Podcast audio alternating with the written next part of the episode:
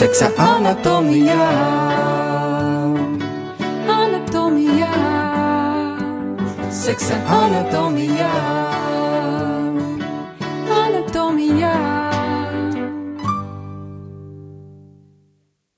Sveicināti, mīļie radio klausītāji! Ar jums ēterā raidījums Seksa anatomija piekdienas vakarā astoņos, uh, un uh, es ļoti priecājos atkal būt kopā ar jums, atkal būt ar jums šajā dialogā, raidījumā, kā mēs atceramies, veidojam kopā. Uh, tas nav tā, ka jūs vienkārši saņemat informāciju, bet es ļoti vēlētos, lai jūs piedalītos šajā diskusijā, tāpēc gribu atgādināt, ka jūs varat sūtīt mums īziņas pa tāruņu numuriņu 266 77 272, zvanīt tāruņu numuriņu 67 969 131, vai arī var sūtīt ziņas e-pastā studija at rml rādījuma arī Latvija LV.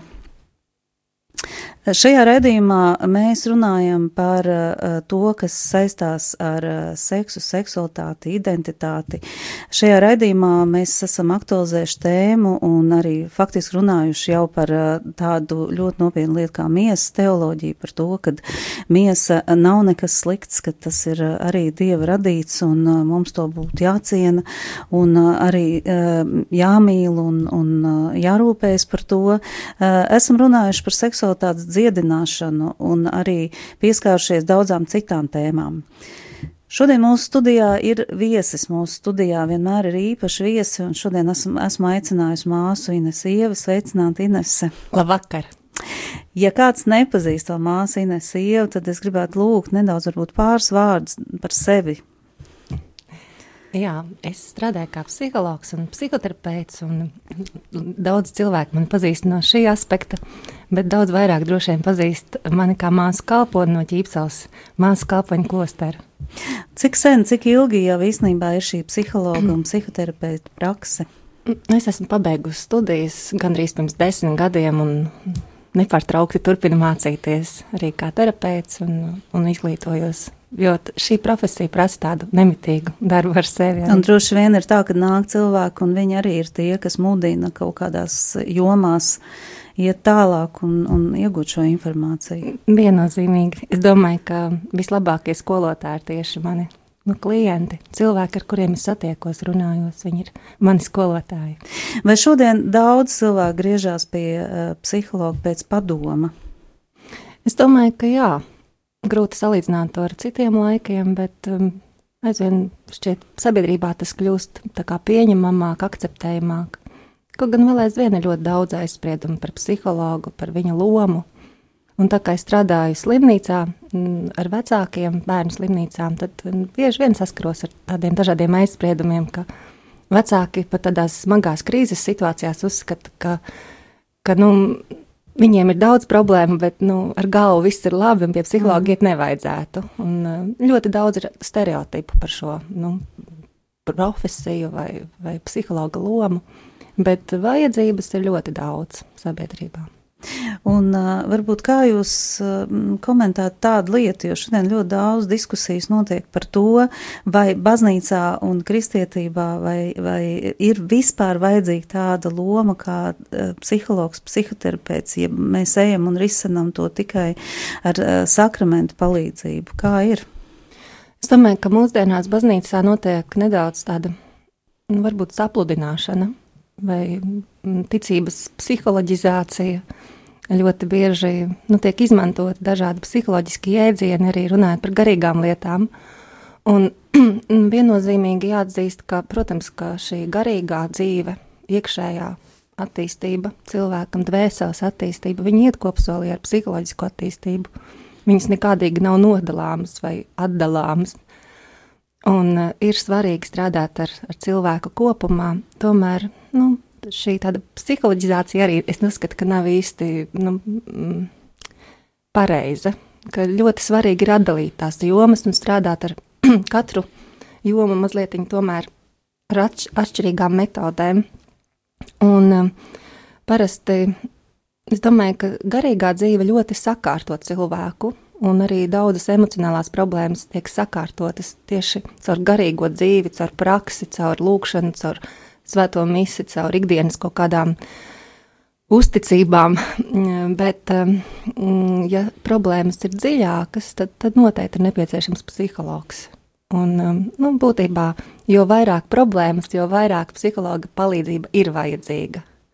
Bet tā, manuprāt, ir ļoti tāda smalka robeža, ja, kur mēs, eh, kur būtu, varbūt, eh, varbūt būtu pat jādefinē kaut kāda kritērija par to, kurā vietā tad mēs tomēr paliekam pie šīs te žēlstības un sakramentiem un risinam tādā veidā, un kur tomēr eh, jau jūtam un redzam, ka tur ir vajadzīga kaut kāda cita palīdzība, vai jūs varat vismaz kaut kādas dažas kritērijas nodefinēt, kur cilvēks, varētu, kur cilvēks varētu vismaz padomāt par to, uz kuras, nu, kurā pusē viņš ir šobrīd? Es domāju, ka cilvēkam, kurš atrodas problēmās vai nu, saskars ar dažādām dzīves kaut kādām krīzēm, viņiem pašam ir grūti redzēt savu stāvokli. Un, nu, nereti ir svarīgi arī padoms no malas. Un, līdz ar to nu, man ir aizvien lielāka cerība par priesteriem, kas, nu, kas ir tie nu, paši pirmie, varbūt, cilvēki, pie kuriem vēršas uh, draugi ticīgie arī grēksūdas sakramentā vai sarunās. Un, un būtu svarīgi, ka priesteris nu, pamana problēmas un sadarbojas ar to psihologu kompetenci robežās. Tas varētu būt noderīgi cilvēkiem. Bet katram personīgi es domāju, ka tāds labs kritērijs ir nu, tomēr nu, tā mana pašsajūta vai tie augļi manā dzīvē. Un, ja es turpinu lūgties un, un turpinu uh, iet šo garīgo ceļu, bet manī nav prieka, nav, nav nekādas izaugsmes. Tieši otrādi liekas, ka tā garīgā dzīve izsīkst, ka nekas jauns neienāk manī. Iespējams, ka tur ir svarīgi vērsties pie psihologa tajā brīdī. Jo bieži vien nu, tā, nu, daudz dziļākas ir šīs emocionālās problēmas, un tā mūsu garīgā dzīve reizēm tiek būvēta uz tādiem diezgan apšaubāmiem emocionāliem pamatiem. Uh, Un, un, un, ja nav šī dzīves piepildījuma, nav prieka dzīvot, nav vēlēšanās dzīvot, un ja, ja arī šī lūkšana dzīve, ko mēs darām, nu, nesniedz izmaiņas, tas nozīmē, ka varbūt jāmeklē dziļāk tā problēma. Es domāju, ka ir svarīgi skatīties pēc augļiem, pēc mhm. izmaiņām, un, un noteikti arī garīgā dzīve sniedz izmaiņas. Tad ir vēl viens vienmēr eh, ļoti svarīgs jautājums mūsdienās par to, kā kristīgs eh, psihologs atšķirs no parastā psihologa, vai tur ir kaut kāda atšķirība, ja, un, un um, kur labāk ir, jo nav jau daudz faktiski kristīgo psihologu, un kā cilvēkam izšķirt, vai viņam tā palīdzība ir tāda adekvāta un, un nu, tā kā uz viņu pozitīvi vērsta. Jā, mm, Es domāju, ka aizvien vairāk iezīmējas šī vajadzība mm, arī kristīgiem psihologiem apvienoties, un šobrīd notiek darbs pie tādas -hmm. idejas, ka veidot tādu organizāciju, kas iekļauj sevī mm, speciālistus, psihologus, arī ārstus un pastorālos konsultantus, kas ir kristieši vai arī tieši katoļi, kas atbalsta konkrētas vērtības. Un, mm, jā, psiholoģija, kā zinātne, arī terapija, viņas ir neitrālas. Nu, nav tāda kristīgā psiholoģija, vai nav tā, nu, arī mēs nevarētu runāt par budisko psiholoģiju mm -hmm. vai islāma psiholoģiju.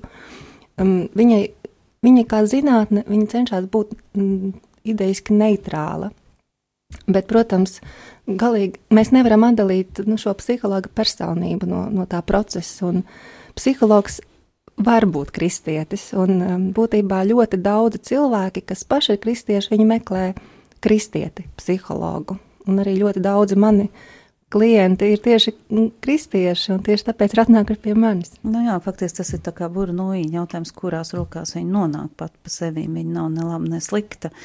Un es esmu mhm. saskārsies mm -hmm. ar to, ka uh, jebkura zinātne, jebkura zinātne var kļūt par uh, kaut ko varbūt ne īpaši labu cilvēkam un tajā pašā laikā viņu celt. Te mēs runājam par tādiem varbūt faktiem un to, ko zinātne ir atklājusi. Nu, būtu svarīgi tā, tomēr mēģināt to mm, psihoterapiju vai psiholoģiju turēt kā kaut ko neitrālu. Bet mūsdienās tas ir diezgan, nu, var, var redzēt šos dažādos piemaisījumus. Ja varbūt kristietība mazāk manifestējas šajā jomā, vai nu, ļoti, nu, tas ir atkarīgs no, no skatu punkta. Tad ļoti daudz ir tāda budiskā ievirza, vai, vai arī daudz astroloģijas piemaisījumu. Mm -hmm. Piemēram, psihoterapeits astrologs, kas, nu, būtībā akadēmiskajā jomā, nu, galīgi man šķiet nav pieņemami. Nu, tāda pseidozinātne īstenībā. Tas ir, nu, diskvalificē jā. kā viena tā otra, man šķiet, mm -hmm. bet, bet, nu, protams, ka ļoti jāuzmanās izvēloties cilvēku, kuram tu uzticies un, kuram tu stāsti par savu dzīvi visvarīgākās lietas. Un es domāju, ka katrs klients atrod savu terapeitu. Agri vai vēlu. Jā, un ir svarīgi meklēt, nevis nu, nu, kaut kā varbūt ar pirmo censties sadarboties, bet pārbaudīt, meklēt, uzdrīkstēties un, Nē, nu viena, viena lieta ir ar pirmo, bet cita lieta ir tāda vilšanās, kas pēc tam uh, uzliek tādu tā, zīmogu visiem pārējiem, ka tie psihologi un psihoterapeiti jau neko nedod, jo cilvēkam ir bijusi viena tāda pieredze. Ja? Nu, tā diemžēl ir.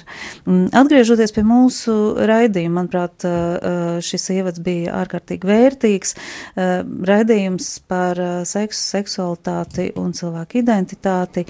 Cik daudz uh, ar šīm problēmām šodien cilvēki vēršās pie psihologa un psihoterapeita? Nu, protams, ka tās ir svarīgas problēmas, vai nu, pat neteiksim problēmas, drīzāk ļoti svarīga dzīves joma un aspekts. Un, um, es pieļauju, ka ir dažādi terapeiti un, un dažādi akcenti darbam ar, ar cilvēkiem. Un ir pāru terapeiti, ir arī tieši seksuālie terapeiti, kas ar šo jomu strādā vairāk, un noteikti tad ir vairāk šīs, šī aspekta lietas tiek risinātas pie viņiem, bet arī manā praksē, protams, ir daudz cilvēki, kas runā par, par, par vai nu par vēlēšanos apprecēties un ne, mm. nevarēšanu atrast īsto cilvēku, vai tieši otrādi ir jau apprecējušies un, un risina dažādas attiecību jautājumus. Tā, kā, nu, nu, tā ir mūsu dzīves daļa, vai ne? Šī, šīs attiecības, intimitāte ar otru cilvēku. Mm -hmm. uh, varbūt māsīnās, kā jūs raksturot šīs identitātes problēmas mūsdienās, varbūt tādā globālā, uh, globālā mērogā, nu, ja mēs tā paskatāmies sociālā vidē, uh, kas ir izjaukts, vai tā identitāte tiek pareizi saprasta, kur tās problēmas, um, kur sakne? Mm, grūti runāt varbūt, par identitāti plaši. Tādā, nu, tur jāmeklē definīcija, būtu, mm -hmm. kas ir šī identitāte, kā mēs to saprotam. Uh, bet varbūt tā pavisam virspusēji man ir sajūta, ka, ka mm, tāda sevis apziņa šobrīd formējas ilgāk, ka viņa ir tāds atvērts process. Un, Un, ja pēc Erika Eriksona kritērijiem mēs šo identitāti veidojam pusauģa gados, un tad mm -hmm. 20, 25 gadi ir tāds uh, periods, kad ir ļoti svarīgi veidot um, tuvas, intīmas attiecības, tas ir tas sensitīvais periods tieši tādām svarīgākajām dzīves attiecībām, un vēlāk arī atveras laiks, kad mēs varam dot citiem, nu, respektīvi gādāt par bērniem, par nākamo paudzi, būt dodoši. Uh, Tad mūsdienās, nu, būtībā līdz 40 gadiem ievelkas tas pirmais posms, kad mēs vēl aizvien meklējam sevi, vēl aizvien īsti nezinām, ko mēs vēlamies, jo ir ļoti daudz iespējas. Un cilvēkam nu, ir tāds arī nu, ļoti liels piedāvājums, un viņš var, var izmēģināt gandrīz visu un, un uh, augt jebkurā virzienā. Un ļoti grūti ir nodefinēt tās nu, galējās izvēles. Un Bet tas... vai tā, ka līdz 40 gadiem meklējot šo savu identitāti, un uh, cilvēks galīgi neapmaldās arī tajā um, informatīvajā vidē, kas šodien ir? Nu, tas, tā, tā, tas ir risks, protams, ka, ka šī piedāvājuma ir ļoti grūti nu, sašaurināt savas izvēles līdz kaut kam konkrētam. Tas noteikti ir, ir šī problēma. Un vēl es arī saskatu mazliet problēmu ar, nu, varbūt nedaudz saskatu Mēs ar māsām runājām, ka tā ir tāda došanas krīze. Mazliet. Patērētāja sabiedrība. Jā, jā. Ka, ka ir grūti dot. Mēs meklējam dažādas dzīves pieredzes, kaut kādus jaukus notikumus, iespaidus, cilvēkus, pozitīvas attiecības, vēlamies piepildīties. Tas ir ļoti labi, un, un, un pasaule mums to piedāvā daudz plašāk nekā tas bija agrāk. Un, un mēs, mēs esam aicināti to izmantot, bet Nu, šajā lielajā tādā, nu, nu, sajūsmā par visu, ko mēs varētu sev savākt, mēs ļoti aizmirstam kā, arī dalīties. Vai, nu šeit es domāju, piemēram, tas, kas traucē attiecībās, ka ir, ir tā vēlme iegūt, bet ir ļoti grūti dot no sevis. Un, un to īpaši redz ģimenēs. Tiklīdz ir bērni un ir nepieciešams mācīties dot, Un, tad radās problēmas. Un, un tas ir tāds liels, nu, man liekas, liels solis katram jaunajam vecākam iemācīties dot, dāvāt. Nu jā, dāvāt un dot tā ir ļoti svarīga lieta, manuprāt, visās jomās, arī psiholoģiski, emocionāli, fizioloģiski un garīgi. Pie tā tad mēs atgriežamies pēc nelielas pauzītes. Šobrīd klausamies dziesmu.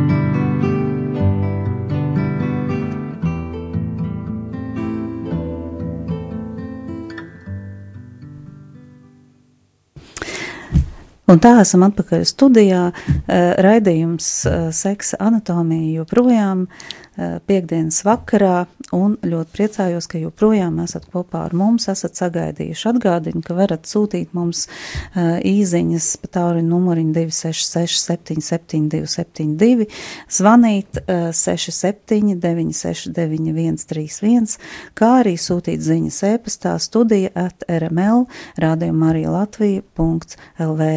Joprojām mūsu studijā esmu es Anna un mūsu viesis māsa Ines Ieva.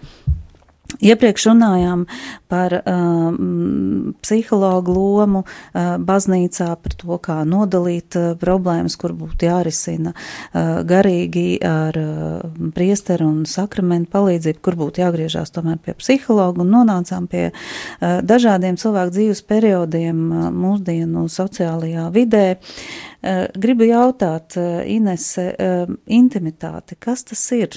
Jo ļoti daudzi to saprot ārkārtīgi dažādi. Citi to saprot par tādu, varbūt tādu garīgu tuvību, citi uzskata, ka intimitāte ir tikai un vienīgi fizioloģiski, seksuāla tuvība. Uz tā balstās un veidojās ļoti daudzas attiecības, bet nav jau tādas seksa institūcijas. Ja? Tāda intimitāte faktiski ir kaut kas pavisam, pavisam cits. Jā, es domāju, ka šis bija ļoti tāds varbūt arī svarīgs aspekts, ko jūs uzsvērāt, ka mm, intimitāte nav vienāda, vienāda zīme, vienādojums ar seksu vai, vai seksuālu aktu, jo mēs zinām arī, ka ir, piemēram, laulātie pāri, kas varbūt dažādu iemeslu dēļ nevar mm, izdzīvot seksuālo dzīvi, bet viņu vidū starp viņiem var būt ļoti tuvas attiecības un ļoti dziļa intimitāte. Tā pašā laikā var būt arī seksuālas attiecības, seksuāla kontakta, ļoti vētraini, bet tai pašā laikā var nebūt garīga tuvuma vai dziļuma šīm attiecībām. Tā kā nu, noteikti intimitāte nav tas pats, kas seksuāli, seksuāls attiecības. Un nevienmēr arī seksuāls attiecības garantē intimitāti. Man ļoti patīk domāt par intimitāti kā vienu no tādiem mīlestības aspektiem. Uh, ir tāda Steinberga mm, teorija. Viņš runā par mīlestības trīs stūri. Un e, šie trīs stūra, trīs, mm, trīs stūri, viens no tiem ir tieši intimitāte, ar jeb tā nu, garīgā tuvība, spēja uzticēties, spēja atklāties, spēja runāt par savām, nu, sev svarīgām lietām, saviem uh, saviem nodomiem, sapņiem, ilgām vajadzībām ar otru cilvēku. Otrs stūris ir kaisli, kaisle, vai šī tāda arī seksuālā attraktivitāte, pievilkšanas spēks, tas, kas varbūt šajā iemīlēšanās procesā ir visaktīvāk izteikts, šī fascinācija ar otru cilvēku, kas eh, dod uguni attiecībām un varbūt arī palīdz veidot šīs attiecības, tādu lielu enerģiju. Bet trešais ļoti svarīgais aspekts mīlestībai ir arī iesaistīšanās, tāda veltīšanās, rūpes par otru cilvēku, kas, kas arī nosaka šīs, šo attiecību dziļumu vai ilgspējību. Eh, protams, jau ir tā, ka es domāju, ka pārī, ka divi cilvēki pat pieņemot un zinot, varbūt šīs te trīs tur sastāvdaļas katrs varbūt ir nācis no savas pagātnes un dzīvo savā ritmā. Varbūt, ka viens iet varbūt pat drusku pa priekšu, otrs kaut kur aizmugurē, jā, un, un panākt to ir ļoti grūti tādu, tādu kopīgu, bet līdz ar to eh, man liekas, ka ļoti mums ir jautājums, jā. Uh mhm. eh, -huh. Tieši, tieši man liekas, ka par šo te tēmu, ko darīt darīt, ja gribu dot otram, bet šis otrs cilvēks negrib uh, vai baidās pieņemt. Arī ļoti, manuprāt, tāds plaši diskutējama lieta. Kā uz to varētu atbildēt? Jā, tas ir ļoti tāds arī svarīgs jautājums. Un šeit arī skan nu, šīs novērojums, ka otrs cilvēks ir savādāks nekā es. Un uh, tas īstenībā ir diezgan, nu, nu, liels atklājums. Jo, nu, kamēr mēs esam bērni, mums ir ļoti tāds arī nu, uz sevi vērsts skatījums par lietām. Mēs redzam daudzas lietas no, caur savu prizmu, no sava skatījuma. Un tikai vēlāk, attīstības laikā, mēs pamanām, ka citiem cilvēkiem ir cits skatījums, ka uz to pašu lietu var skatīties no cita punkta. Uh, ka mēs atšķiramies. Un, un īstenībā eh, attiecības visvairāk atklāja to, ka mēs patiešām esam dažādi. Un eh, pat dažādas lietas mums garšo, un dažādas lietas mums negaršo, un dažādas lietas patīk un nepatīk, un nodarbošanās patīk vai nepatīk. Un, un jo vairāk arī nu, ir, ir tas, ka mums ir jāpieņem tas, ka otrs cilvēks arī savādākā veidā piedzīvo daudz ko, un mēs mācāmies pieskaņoties arī viņa vajadzībām, viņa gaidām. Un, uh, protams, mums ir svarīgi arī sajust, ka otrs cilvēks cenšas pieskaņoties manām vajadzībām un manām gaidām. Šī ir tāda liela nu, skola, bet arī tas, tas palīdz iziet mums pašiem no sevis, no sava skatījuma, no sava tāda šaurā loka. Un tieši tāpēc attiec, attiecības ir tas, kur mēs visvairāk arī varam augt un attīstīties. Tā kā uh, faktiski uh, tā es saprotu, ka nevienmēr tas, ko es gribu dot otram cilvēkam, viņam ir nepieciešams. Jā. Un, un bieži vien, ja mēs nesasniedzam kaut kādu briedumu un nesasniedzam tādu spēju uz intimitāti, mēs nemaz nevaram uh, iedot otram cilvēkam, jo nezinām, ko viņš grib. Vai te būtu vairāk jārunā par tādu savstarpējo dialogu? Viennozīmīgi. Protams, arī mēs, mēs apzināmies, ka mēs katrs esam kaut kādā līmenī spējīgi uz savu vajadzību izpaušanu vai runāšanu par savām vajadzībām. Un tā ir liela, liela problēma attiecībās, ka kāds no, kāds no partneriem nu, nespēja runāt. Mums reizēm liekas, ka viņš negrib vai ka viņš kaut kā izvairās, bet reizēm tā ir nespēja runāt arī par šīm vajadzībām. Uh, Bet nu, viennozīmīgi tur ir kur augt. Mācīties runāt par savām vajadzībām, un arī nu, mācīties dot otram to, kā viņš var pieņemt to mīlestību.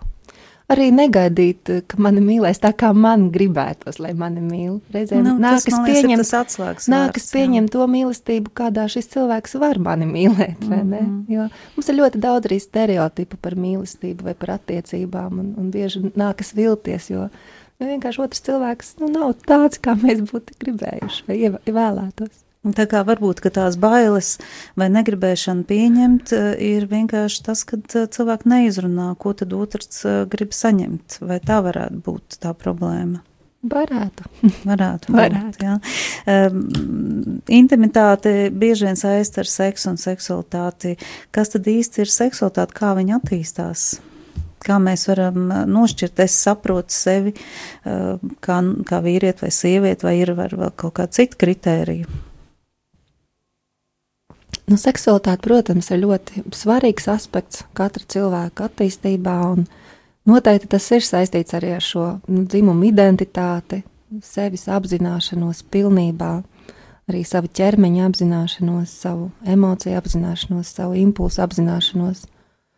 Un, um, nu, katrā ziņā nu, Dievs mūs ir radījis mm, skaistas un, un brīnišķīgas, un jebkas, kas ir Dieva radīts, viņš ir dots ar mērķi. Un arī seksualitāte ir ļoti konkrēts mērķis. Un tāpēc nu, viennozīmīgi jāuzlūko seksualitāte saistībā arī ar šo spēju dot dzīvību cilvēkam. Mūsdienās seksualitāte atraino šīs funkcijas, un līdz ar to tas kļūst par tādu kā, nu, nezinu, mazliet Mm, brīvā laika pavadīšanas veidu, vai, vai izklaidi, vai hobiju. Uh, bet, uh, ja mēs skatāmies to šajā dzīvības nodošanas kontekstā, nu, tad tā ir arī liela tāda aicinājums uz lielu atbildību, uz iesaistīšanos lielā uzdevumā. Un, un kaut kādā veidā arī šī seksualitātes attīst, attīstība līdz ar to nu, simbolizē cilvēka briedumu, gatavību uzņemties rūpes, kļūt par tēvu, kļūt par māti, uh, dot tālāk sevi, redzēt sevi citos. Citos aspektos, kādas uh, ir tā, jo tas, ka seksualitāte un seks ir atrauc mūsdienās no reproduktīvās sfēras, no dzīvības, kādas ir tam sekas mūsdienu sabiedrībā? Kādreiz, kad es, stud, kad es studēju Polijā, man bija iespēja satikt Danielu Anžu. mm -hmm. Un es neaizmirsīšu viņa vienkāršo uzrunu. Bija pilna zāle, pilna aula ar studentiem, un viņš salīdzināja uh, seksualitāti bez, uh, bez, bez šķīstības vai šīs gatavības uz uh, arī, nu, gatavības uz dzīvību. Salīdzināja to ar zemeslodi, kurai nebūtu ozona slāņa. Ja zemē, mūsu zemeslodē pietrūktu šī ozona slāņa, kas viņu apņem, tad zemes, zeme būtu tuksnesis. Ja? Saule izdedzinātu mūs. Un līdzīgi ir ar seksualitāti, kurai nav, nu, kuru šīs seksuālās attiecības, kurās, kurām nav šīs sagatavošanās posma, nav šīs mm, šķīstības vai, vai sadarināšanās laika, un kas nenotiek arī nu, šajā laulību kontekstā ar gatavību dot dzīvību. Uh, Un, ja nav šīs uh, ozona slāņa vai šīs uh, intimitātes, tad seks vai seksuālais akts viņš nenes dzīvību. Un tur ir runa gan par šo kontracepcijas tādu mentalitāti, arī tādu nu, ļoti daudzu mazu dzīvību iznīcināšanu, necieņu pret šo noslēpumu. Bet vēl jau vairāk arī nu, caur seksualitāti nāk, ienākušas ir ļoti daudz arī smagas saslimšanas, piemēram, maids, kas nes nāvi vēl aizvien daudziem cilvēkiem. Nu, līdz ar to man ļoti patīk šis salīdzinājums, ka, ka seksualitāte, kas, kas tiek atrauta no dzīvības, viņa nes nāvi šķīstības uh, izdzīvošana. Vispār vārds šķīstība arī eh, ļoti bieži um, tiek varbūt izrunāts neizprotot tā jēgu. Uh, un um, lasot patiesībā um, katoļu baznīcas katehismu, es saprotu, uh, ka šķīstība jau nav tikai dzīve bez seksa, arī laulībā varbūt laulāto šķīstība, ja neskatoties uz to, ka faktiski viņiem ir šī fiziskā tuvība. Kas tad īsti ir šķīstība? Kāda varētu būt skaidrojums, definīcija, izpratne par to? Jā, tas ir labs jautājums, ļoti plašs. Par šīm definīcijām varētu ļoti daudz arī vēl domāt. Um, es domāju, šķīstība ir uh, mīlestība, kas ir uzticīga, kas ir uzticīga vienam. Mm, kaut kā tā pieskaros vārdam mīlestība, un viennozīmīgi tā ir mīlestība. Tā ir tiešām arī tāda veltīšanās un uzticība. Un, un jūs minējāt par šo laulāto šķīstību, un tā, tā arī tas izpaužās, ka ir šī uzticība šim vienam cilvēkam, kas, kas izpaužās nu, šajā, šajās vienās attiecībās. Kā, būtībā katoļu baznīcā mēs visi esam aicināti uz uzticību, uz, uz uzticību, uz, uzticību, šķīstību jā, un jā. mīlestību. Un te, protams, rodas nākamais jautājums, kas tad ir mīlestība, ko tā sevī ietver, jo tas arī ir ārkārtīgi tāds uh, plašs jēdziens. Mēs jau varam mīlēt visu pasauli, Jā, mēs varam mīlēt vienu cilvēku, mēs varam mīlēt bērnus, vecākus, dažne dažādi tas viss. Kur tur ir tā intimitāte un varbūt tāds mīlestības izpratne, sadalījums? Nu jā, ir dažādi šie mīlestības formas, vai ne? Arī gan šī nesautīgā mīlestība, agape, karitas, vai ne? Um, un arī seksuālā mīlestība, un varbūt ir grūti viņas kā, savienot vienā. Bet, bet eh, es domāju, ka kā ļoti saskatu arī to Steinbergas trīsstūri tajā, tajā visā. Jā. Un varbūt, protams, ka, ka šīs kaisles moments, viņš ir rezervēts tieši nu, laulāto attiecībām. Eh, bet, bet intimitāte un rūpes, nu, tas ir kaut kas ļoti, ļoti tādas struktūrē daļas, kas veido mīlestību. Jā, nu. intimitāte un rūpes.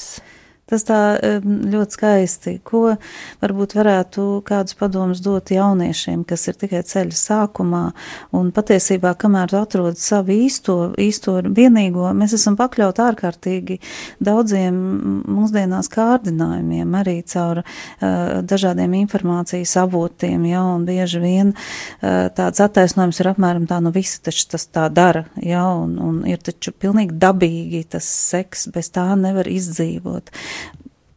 Kas būtu, varbūt, varbūt es saprotu, ka to nevar pilnībā izslēgt, jā, tas, tas būs un ir ļoti grūti šim kārdinājumam neļauties, bet varbūt kaut ko jauniešiem mēs varam šodien pateikt jauniešiem parasti, kad viņi dzird dažādas padomas, tad viņi saka, nu jā, mēs jau to zinām, bet mēs gribētu paši kļūdīties.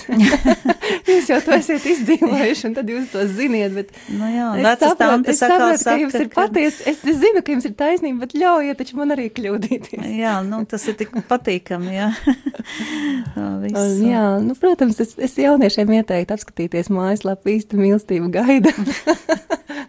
bet tur brīnišķīgi jaunieši, kas. Jā, kas bet tur reizēm ir ļoti ļoti, ļoti kategoriski arī tas, tas, tas mm, viss, tas uzsvars likts mm. par to, jo mums ir jāļauj viņiem kļūdīties, bet ar to, ar tādu domu, ka patiesībā, nu, tajā visā ir arī kaut kas no mīlestības, ka nav tā, ka tikai nosodījums.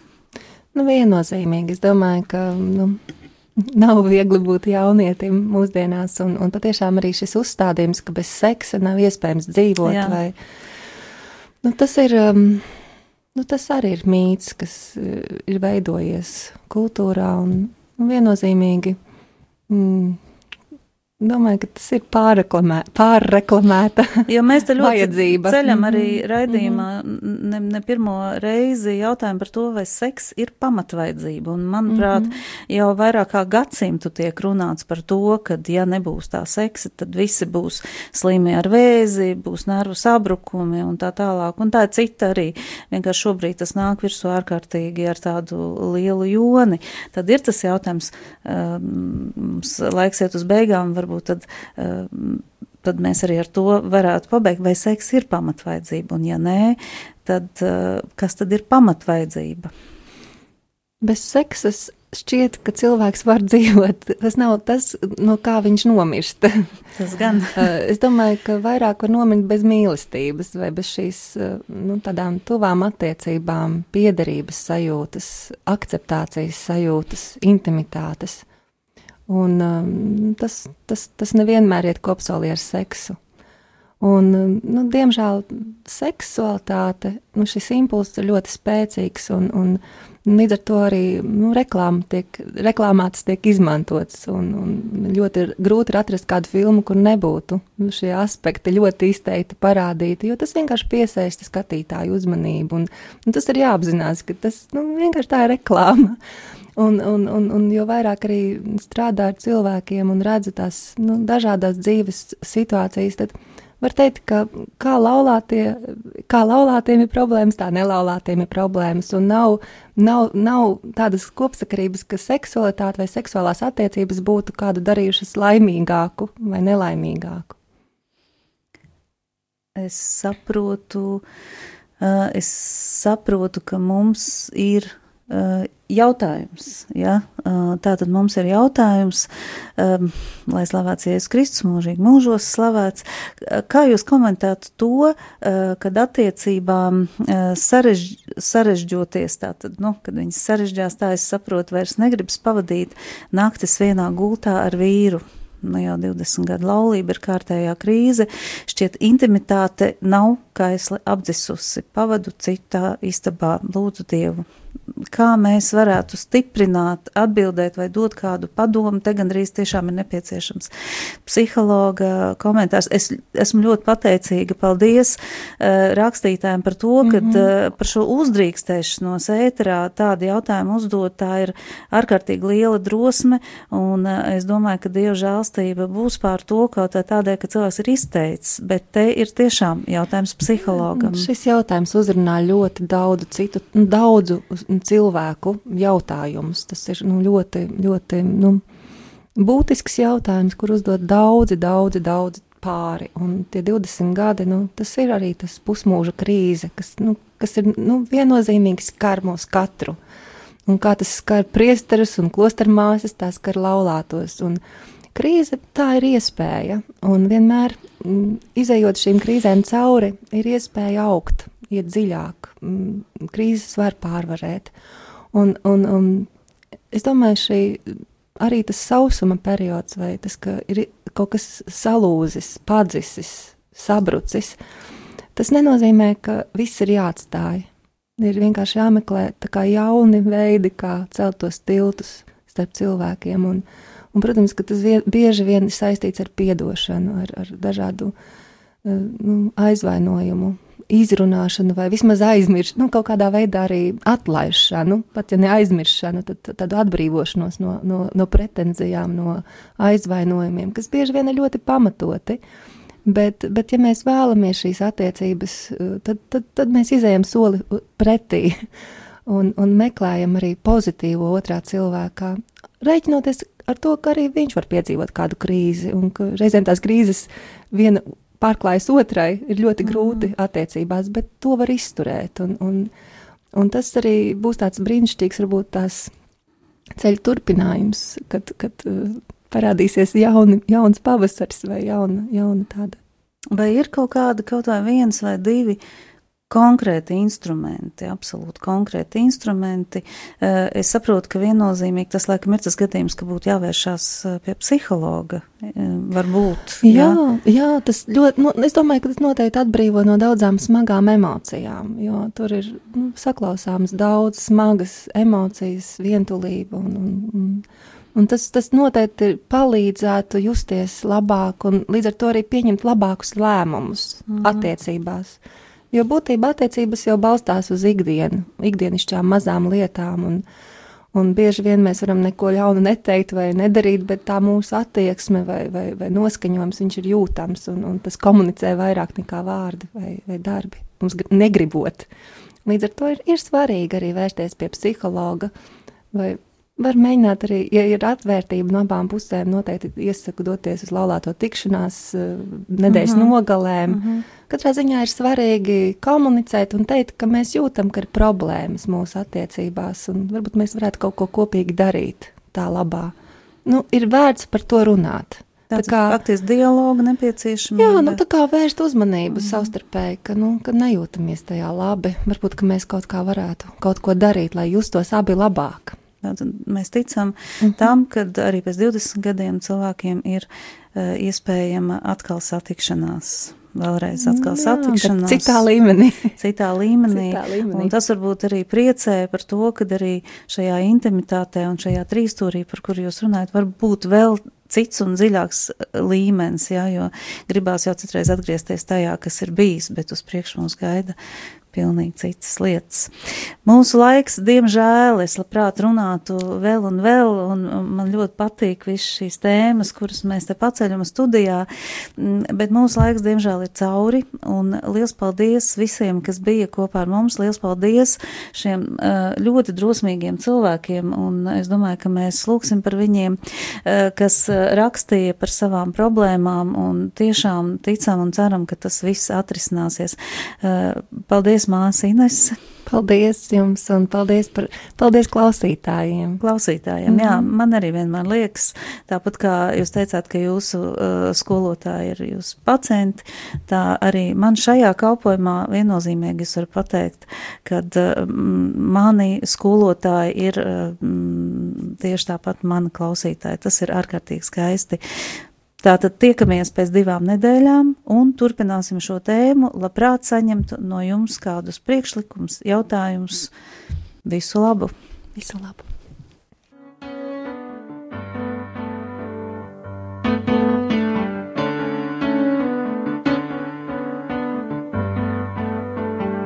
Seksa anatomijā.